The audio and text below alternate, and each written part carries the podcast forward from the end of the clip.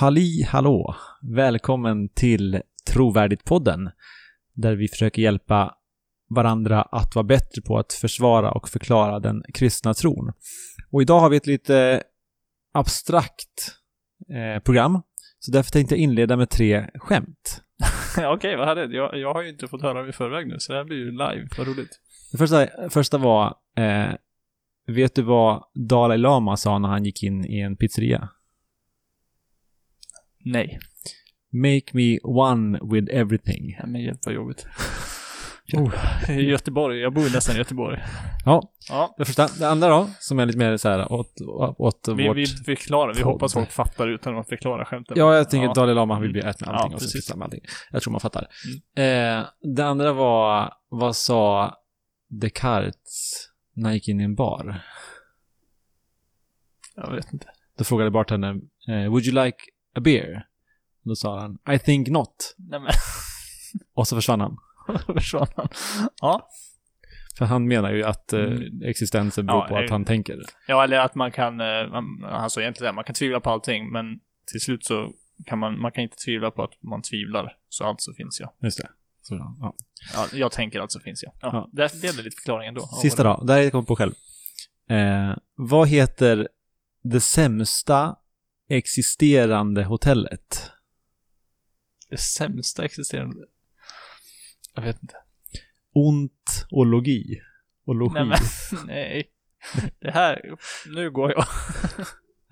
Ontologi, alltså för att det är läran om varandet. Och Mm, Det sa vi ont förra avsnittet och lite. logi, det låter inte så Jag, trevligt. jag förstår, jag Ja, du förstår förstår- skämtet. förstår Jag tyckte bara det var torrt och Ja, det var det tråkigt. Nej, men jag gillar såna här skämt. Det är bra, jag är imponerad. Okej, kanske, Ska vi vi kanske byta till till... stand-up-karriär? vi går till... Eh, nej, jag tänker att vi går till vårt intro istället. Det blir inte en stand-up-podd. Nej.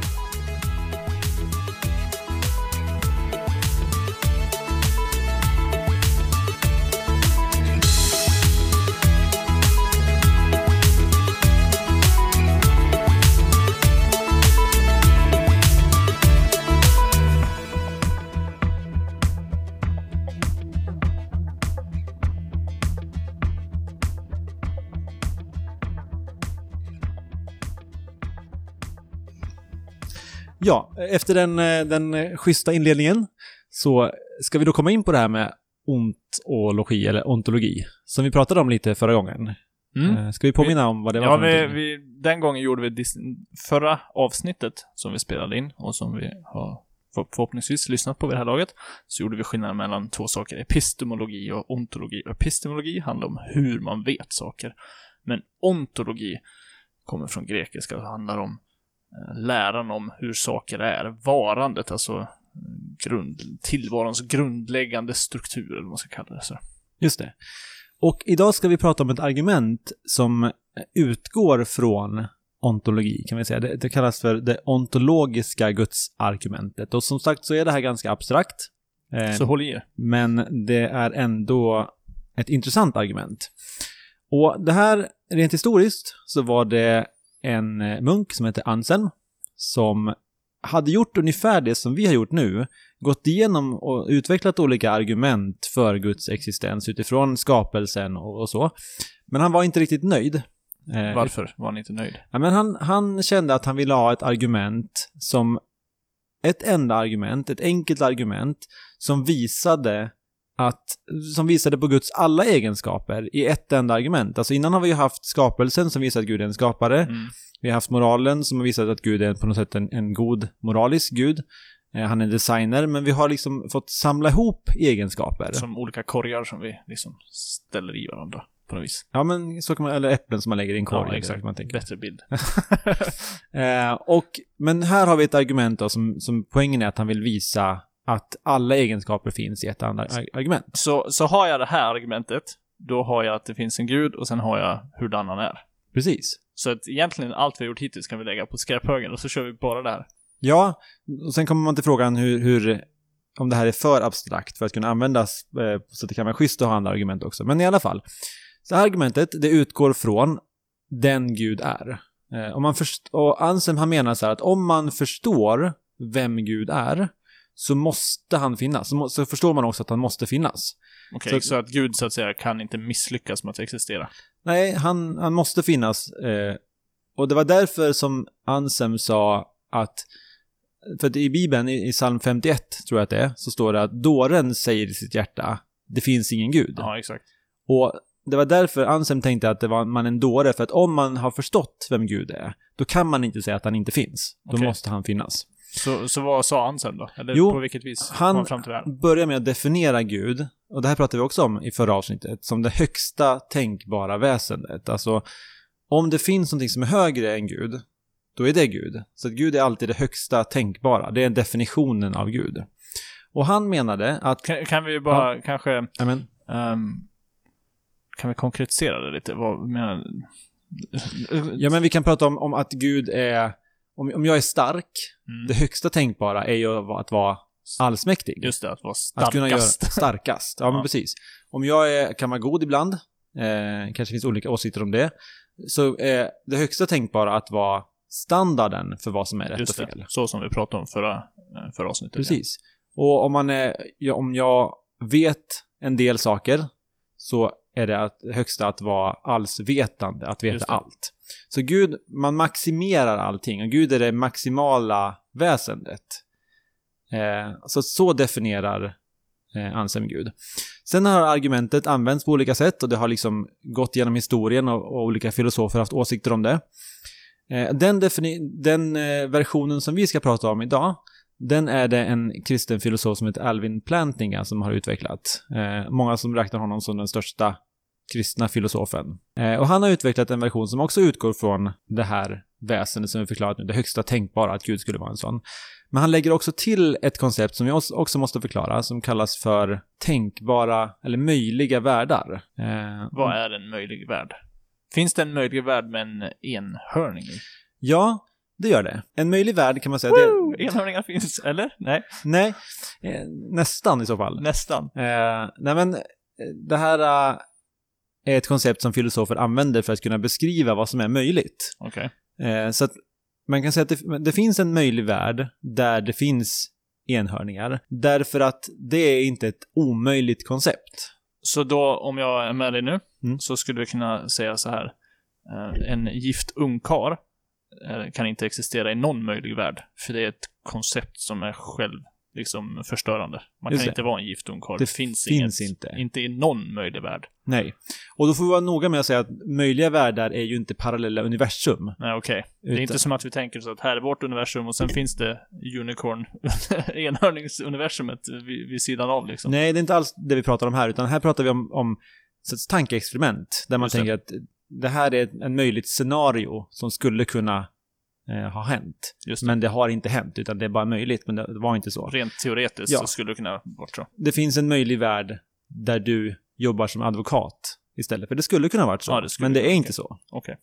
Men en, en gift ungkar eller eh, lukten av blå är inte sånt som kan finnas, utan det är, de finns inte någon möjlig värld. Så det är helt rätt att en gift ungkar kan inte finnas. Så, det vi, så vi har två grejer nu. Vi koncept. har möjliga världar och vi har maximalt stort väsen, eller maximalt väsen. Ja, jag hoppas att alla är med eh, på de två. Och då säger man så här att, då ställer man frågan, finns det en möjlig värld där ett, det här maximala väsendet, där Gud, som är definierat så, finns? Just Och det, är det möjligt att Är det Gud möjligt finns? att Gud finns? För om det är möjligt att det finns ett sånt väsen, då finns det i någon möjlig värld. Men om man sätter ett sånt väsen i en möjlig värld, då får man komma ihåg att just det, det här är ju ett högsta tänkbara väsendet. Och för att vara det högsta tänkbara väsendet, det är ju högre att finnas i alla världar än att finnas i en värld. Är du med? Mm, right. Så att om det väsendet finns i en möjlig värld så, Så, finns det i alla, möjliga världar. tänkbara världar. Ja, och finns det i alla möjliga tänkbara världar, då finns det ju såklart i vår värld För också. vår värld är en... en möj- uppenbarligen en möjlig värld som vi sitter här. Ja, here we are. Ja. Så att utifrån att man definierar Gud som det högsta tänkbara väsendet så ingår det också att han måste finnas i alla, alla världar. Eh, därför landar han också och finns i vår värld. Så för att kunna förneka det här argumentet så måste man i så fall kunna visa att Gud är att det är omöjligt, inte bara att Gud inte finns, utan att det är omöjligt att Gud finns. Att Gud är, så att säga... ehm, Som en gift ungkarl. exakt. Mm. Det, det är ju snyggt ändå. Jag tycker att det är grymt. Det, det, jag tycker att det är någonting som jag, men jag tycker det är ett spännande argument. Och samtidigt är det någonting med, fast jag har inget så rent logiskt att invända. Vi, kan, vi kommer ju till lite invändningar, men Mm. det är någon slags känslomässig grej. Alltså, ja, men, kan man verkligen göra så här? Kan man verkligen bara argumentera så här utifrån definitioner av en, av en sak? Men det kanske man kan, eller? Ja, det är ju en del av filosofin och sen är ju, har vi olika förhållanden till filosofi. Men, men det verkar vara ett logiskt argument. Eh, det enda som man skulle kunna ifrågasätta är ja, huruvida Gud är, är, är möjlig. Men det verkar, de flesta filosofer är överens om att konceptet Gud håller och är inte omöjligt. Eh, och ingen har kunnat visa det, framför allt. Så att, och resten av stegen är argumentet med, med världarna och sen att det finns i vår värld, är, är, följer logiskt. Så det var det argumentet. Snyggt!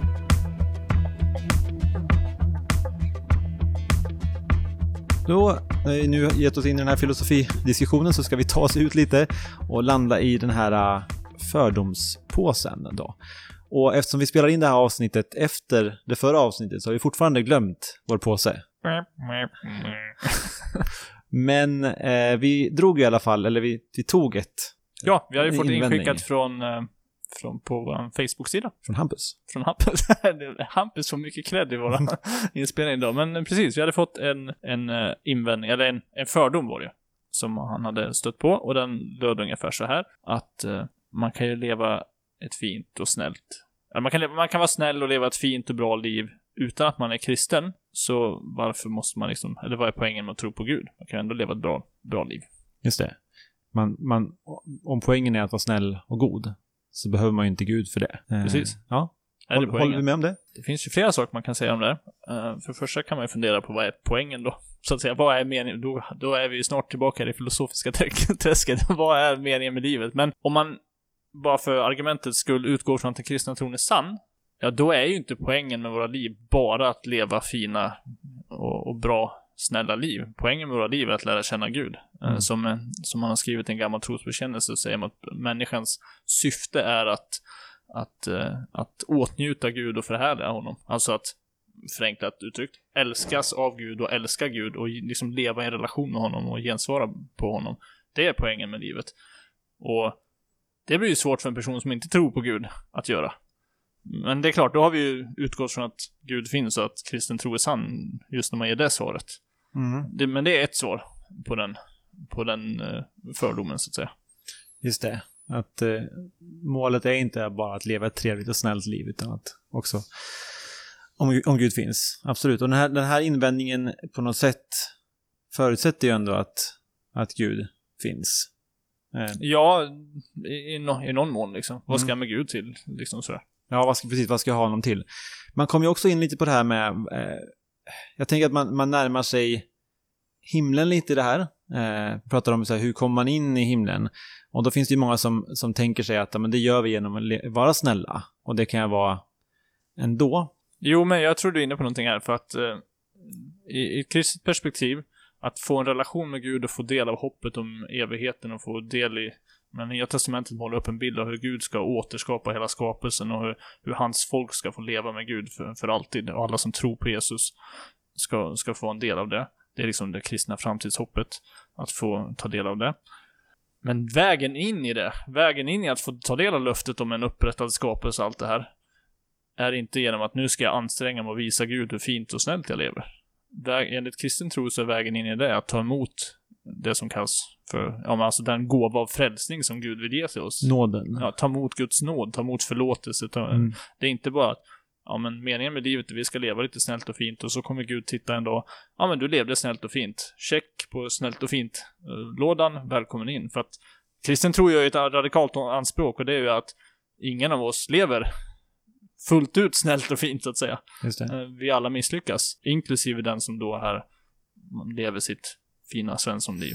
Ja, och där kan man också lägga till, tänker jag, för det var det jag tänkte på, att egentligen är det, om vi skulle tänka att, att sättet man kommer in i himlen är på grund av att man gör goda saker, då skulle det vara ganska orättvist, för att det beror ju väldigt mycket på var man föds någonstans, vilka förutsättningar man har.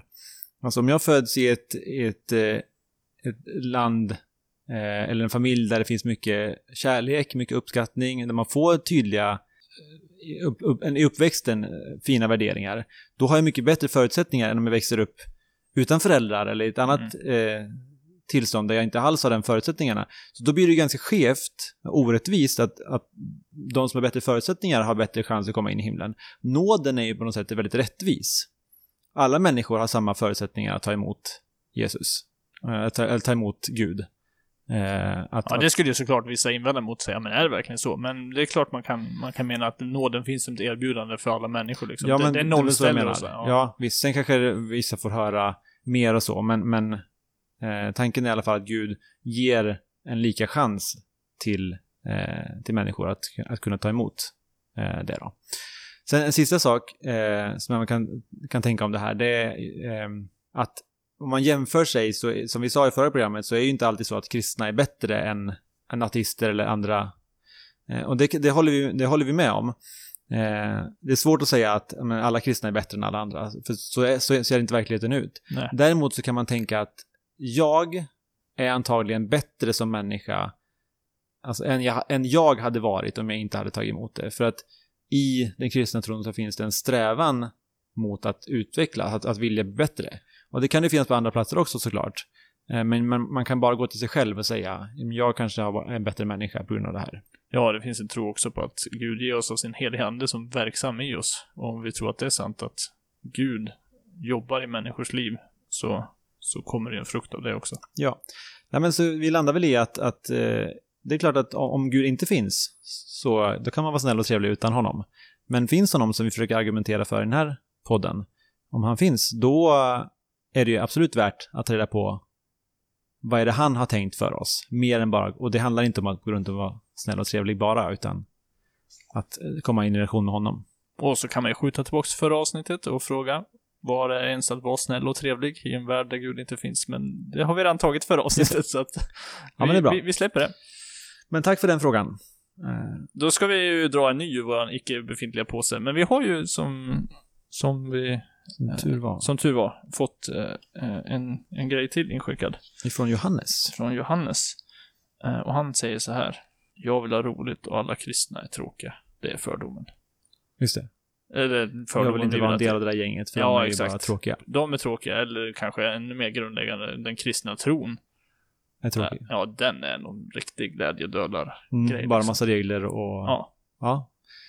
Vi tar Det- med den till nästa inspelning. Det gör vi. Det och fördomspåsen. Ja, exakt. Då tar vi med påsen också. Mm. Det kommer bli en sån här meme sen. Vi, vi har segmentet fördomspåsen, men vi har aldrig påsen. Var det påsen? Ja, så är det. Men nästa gång ska vi ta med den. Eh, vi lämnar den, det segmentet och sen tar vi oss in i det avslutande som handlar om invändningar mot det argumentet vi har pratat om.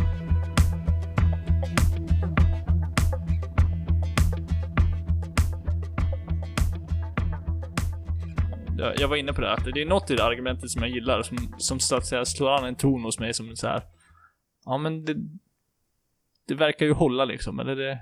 Jag tycker ändå om argumentet på någonstans. Men sen är det en annan sida av mig som tycker, ja men kan man verkligen göra så här? Och en tredje sida, om man nu kan ha tre sidor så, men eh, eh ytterligare en aspekt är att är det inte ganska oanvänt? Om, om vi nu tänker oss att vi i, i den här podden visserligen gärna talar till icke-kristna också, men vi säger att vi vill ha en podd som hjälper kristna att förklara och försvara sin tro. Mm.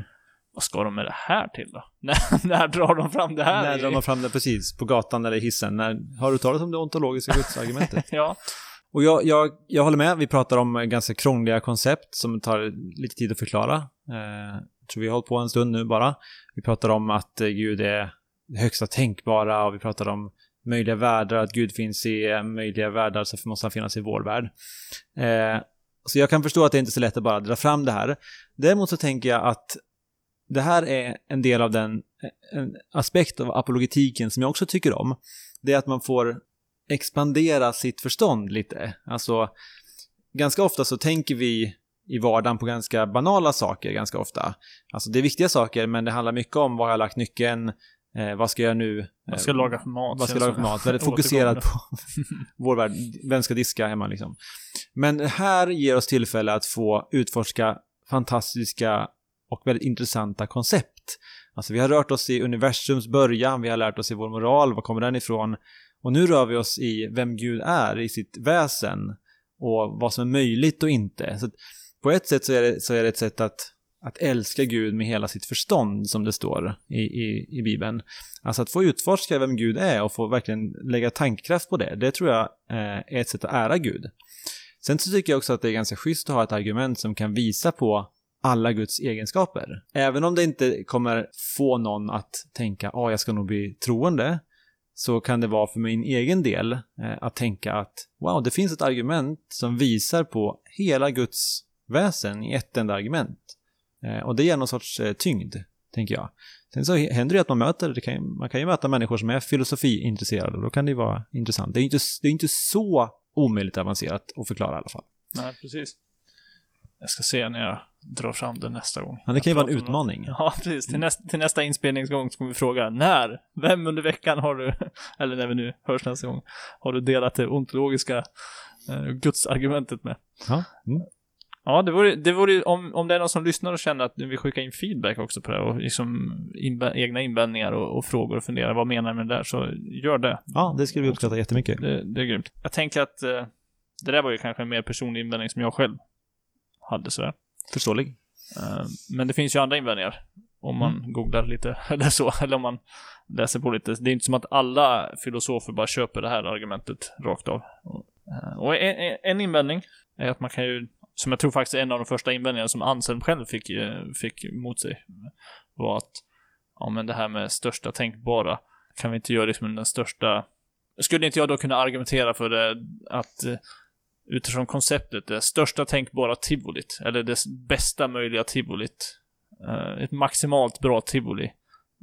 Det konceptet. Ja, utifrån det konceptet kan du argumentera att då måste det finnas Då måste ett, det finnas det också. Ja, mm. precis. Precis som om nu Gud måste finnas bara för att han är maximalt stor och bra, då borde det här fantastiska tivolit finnas. Om, om, ja, på samma sätt liksom. Just det.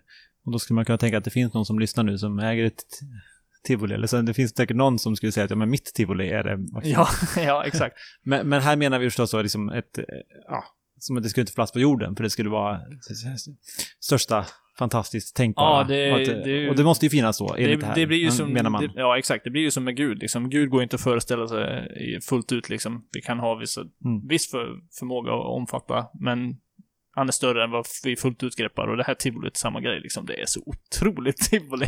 Just det, och om det finns i en möjlig värld? Ja, så måste det ju finnas i så här, men det gör det ju uppenbarligen inte. Alltså det finns ju... Just det, det finns så, inte det. Ja. Så, så då visar det att det här argumentet är ju bonkers. Det, det följer ju inte liksom, det håller ju inte ihop. Just bara. det. Eh, och då, en första invändning, eller invändningen mot det, är ju att det här är inte ett möjligt koncept. Tivolit. Tivolit. För att... Varför för, inte? Ja, men för det första så är det väldigt otydligt vad det är som skulle vara ett det ultimata Tivolit. Tivolit. Alltså vi kan alltid lägga till en... en eh, karusell extra. Karusell till eller ett godisstånd eller ännu mer popcorn eller vad man nu tycker om. Det är ganska oklart vad det är som gör att ett tivoli är fantastiskt. Alltså jag tycker att det är så många eh, häftiga berg och som möjligt. Men det är ju inte riktigt din grej. Nej, jag gillar ju inte tivolin så, så, så jag skulle väl hänga i någon spelhall eller något liksom. Ja, mer spelhallar. Så det är lite oklart. Så egentligen så kan man landa i att så de här koncepten är precis som en gift ungkar. De är eh, det är ett omöjligt koncept med ett högsta tänkbara tivoli. Skulle man kunna säga så här, det finns ingen möjlig värld där det finns ett största tänkbara Nej, tivoli? Precis. Det, det skiljer sig från gudskonceptet på det sättet. Det är också fysiskt. Eh, så det skulle kunna förstöras, det skulle kunna inte finnas. Just det. För att vara tivoli. Och då blir det också väldigt oklart om det skulle kunna, om det måste finnas och så kan det försvinna. Så det, det blir ett sånt men, men Gud då? Skulle inte Gud, skulle vi inte kunna säga, ja men Gud kan också gå sönder? Skulle vi kunna säga det?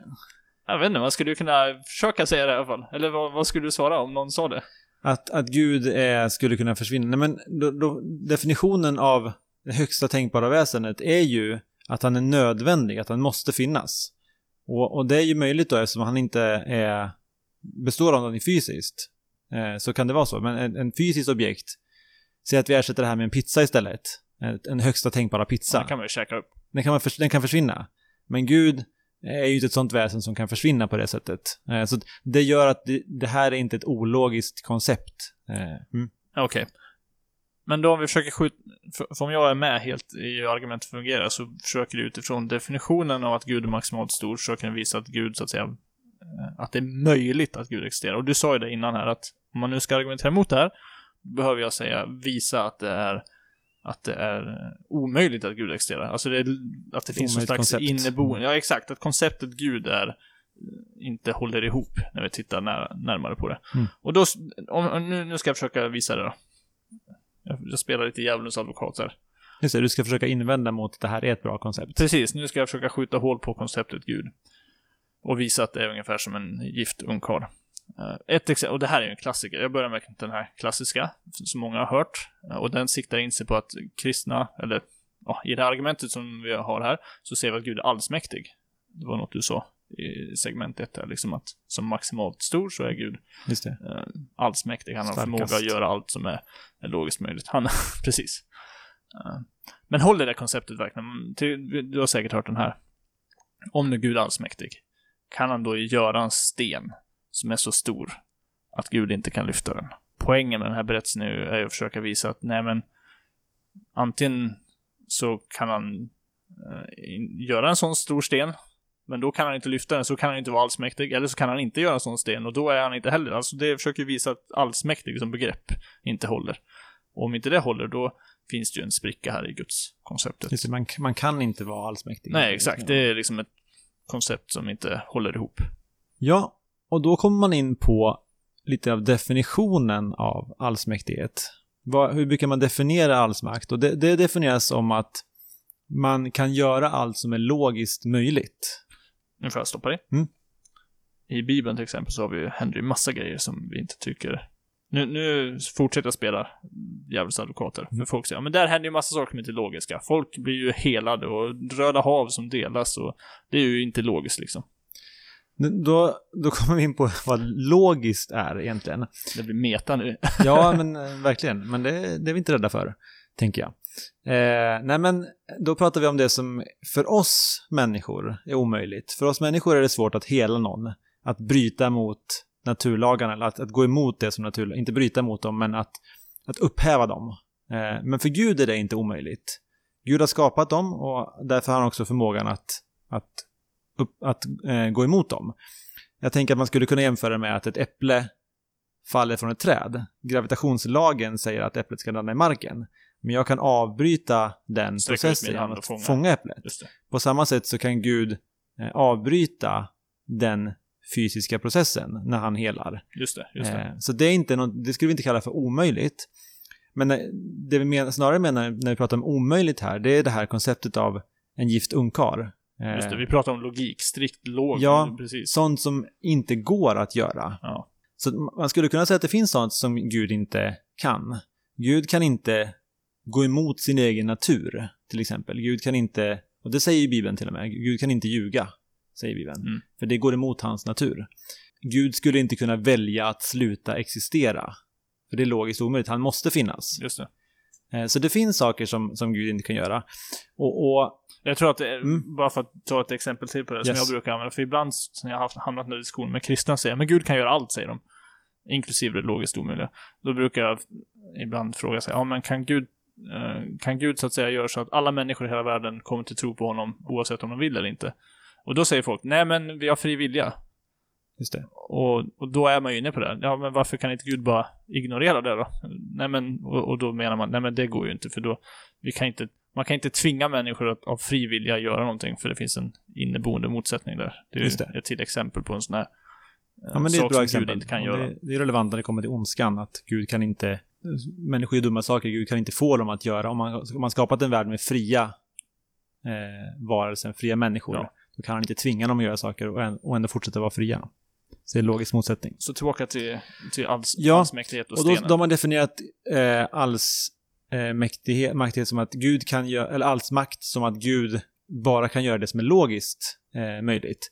Och det är inte, det här är ju en, en, ett exempel på en logisk motsättning, någonting man har hittat på bara, Just det. ett koncept för att, eh, ja, med syftet att sätta dit det då, men, men det är ju en logisk omöjlighet och därför så ingår det inte i det som är alls, som är, som alls makt eh, betyder. Det, är- det, är ingen, det är ingen begränsning hos Gud att inte kunna göra en sten som man inte kan lyfta, för att det, det finns inget sådant överhuvudtaget. Just det. Ja, okej.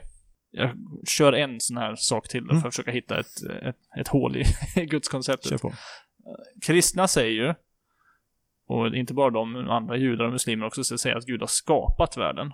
Men det verkar ju indikera att Gud behöver någonting, liksom att han, jag vet inte, var ensam och kände att jag vill ha sällskap eller att han så att säga, nej men jag behöver att folk tillber mig så jag skapar världen för att de där ska tillbe mig eller vad det nu kan, eh, att han hade tråkigt eller whatever liksom. Att Gud skapar någonting verkar säga emot att Gud så att säga i sig själv, om, om nu Gud är det här maximalt, eh, maximala väsendet så borde han vara alldeles självtillräcklig. Han borde inte ha några behov utanför sig själv överhuvudtaget så där, utan bara i, tillräcklig i sig själv. Men så skapar Gud ändå, där verkar ju liksom skava med varandra. Just det. För, Gud är inte som, som en person som sitter i soffan och önskar att han hade en cola, utan han har allt han behöver. Ja, precis. Ja, och då skulle någon kunna säga att, ja men vadå, det är ju en bra egenskap att behöva. Eh, men då får vi också komma ihåg att Gud är treenig. Så att i sig själv har han också ett utbyte av kärlek och, eh, och eh, eh, ja, det finns en, en, en sorts kommunikation där mellan treenigheten. Men, men eh, det här som du säger nu, det, det visar ju bara egentligen på att, att Gud, eh, att skapelsen inte kan vara till för Gud. Så Gud skapar inte världen för att han är ensam eller för att han behöver någonting, utan skapelsen är helt och hållet till gagn eller till, till för dem han skapar. Så, så det är den, den slutsatsen man kan dra av det istället. Att det betyder inte att det finns en svaghet hos Gud, utan det finns bara att det, att det finns en... eh, I, I skapelsehandlingen så gör han det endast för skapelsens skull. Det är ju en ganska fet tanke. Ja, ja verkligen. Det är ju sån, det är ju typiskt sånt ställe när det, eh, man inte kan greppa riktigt fullt ut. Att, att skapelsen är ett utflöde av att Gud, alltså han vill skapa inte för att han sitter och känner sig ensam eller att han har tråkigt eller någonting, utan det är, det är för oss. det är för vår skull som Gud har, har skapat helt enkelt. Det är därför det finns. Just det. Han, han, vi kanske springer i förväg, men jag tänker att eh, Gud skapar för att han vill ge sig själv till, till oss och vi ska gensvara på honom och tillbe honom så. Ja, visst. Och, och det, fortsättningstanken på det är ju också, eller fortsättningen på den tanken är ju också att han, trots att vi inte alls söker honom, kommer till oss. I formen av Jesus eh, som kommer in i historien. Nu springer vi lite i förväg här, men det är ju bra. Vi kommer ju snart komma dit- till, till dit- Jesus. Men jag tänker att vi är där vi kommer landa, om inte nästa avsnitt så eh, Ganska snart ganska snart. Men det var det ontologiska gudsargumentet. Jag hoppas inte att, eh, hoppas, om ni sover så får ni väl vakna nu då. Eh, men vi hoppas att det var givande. Eh, så vi tackar för den här gången. Ja, och vill man eh, höra av sig till oss så kan man gå in på vår Facebook-sida, trovärdigt. Skriv gärna där. Ja, skriv, kommentera. Instagram finns också på. Visst hade vi en mailadress också?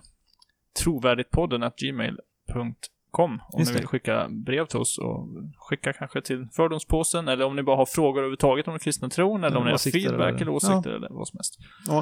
Lite tanken med det här är ju att vi ska ha någon sorts eh, bank på internet där man kan, eh, där man eh, har som en liten kurs, grundkurs i apologetik än så länge. Så att om du känner någon som eh, behöver höra om det här eller som du tänker skulle ha nytta av det, då får du jättegärna eh, dela det och, och berätta om det här.